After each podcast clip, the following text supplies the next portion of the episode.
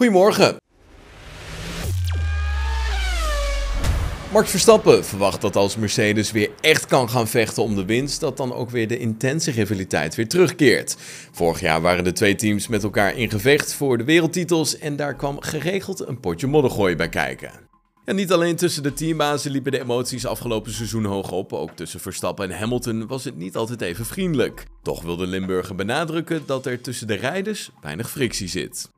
Het conflict van vorig jaar was eigenlijk niet tussen de coureurs, maar eerder tussen de teams. We zijn op dit moment natuurlijk niet in gevecht met Mercedes, maar ik denk dat het anders zal zijn als we weer tegen elkaar vechten. Misschien gebeurt het aan het einde van het seizoen. We zullen zien, zo zegt hij tegenover Service TV.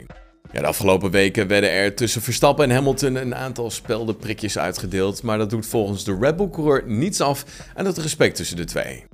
We hebben allemaal veel respect voor elkaar. Als iemand het goed doet, ja, dan kun je dat natuurlijk gewoon tegen elkaar zeggen. Ze zijn beter dan aan het begin van het jaar, maar er moet nog wel wat snelheid bij. Over één enkele ronde zijn ze niet slecht, maar in de race van zondag zag je dat we snel bij ze wegreden. Het heeft ook met de verschillende circuits te maken. Op Silverstone waren ze bijvoorbeeld snel in de race. Het is uiteindelijk hetzelfde tussen Ferrari en ons. De details zullen op het einde het verschil maken. Al dus Max Verstappen.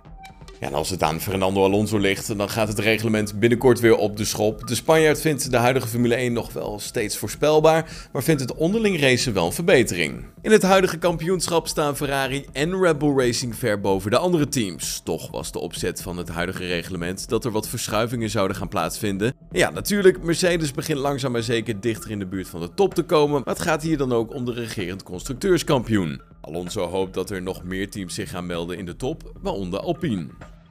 Helaas is de Formule 1 nog steeds erg voorspelbaar. Alles draait om Red Bull en Ferrari. Alleen Verstappen, Leclerc, Sainz en Perez kunnen winnen.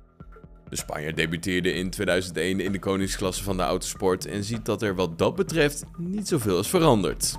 Ik ken geen enkele andere sport waar het zo gaat. Toch vind ik het nog steeds te saai, maar het hoort ook een beetje bij de Formule 1. Er zullen altijd teams zijn die sneller zijn dan anderen. Zo geeft Alonso eerlijk toe. En Daniel Ricciardo heeft gereageerd op de geruchten omtrent een mogelijke afscheid van de sport. Het gehele jaar wordt er al gesproken over een afscheid bij McLaren en misschien wel de Formule 1, maar volgens Ricciardo zelf is dit niet aan de orde.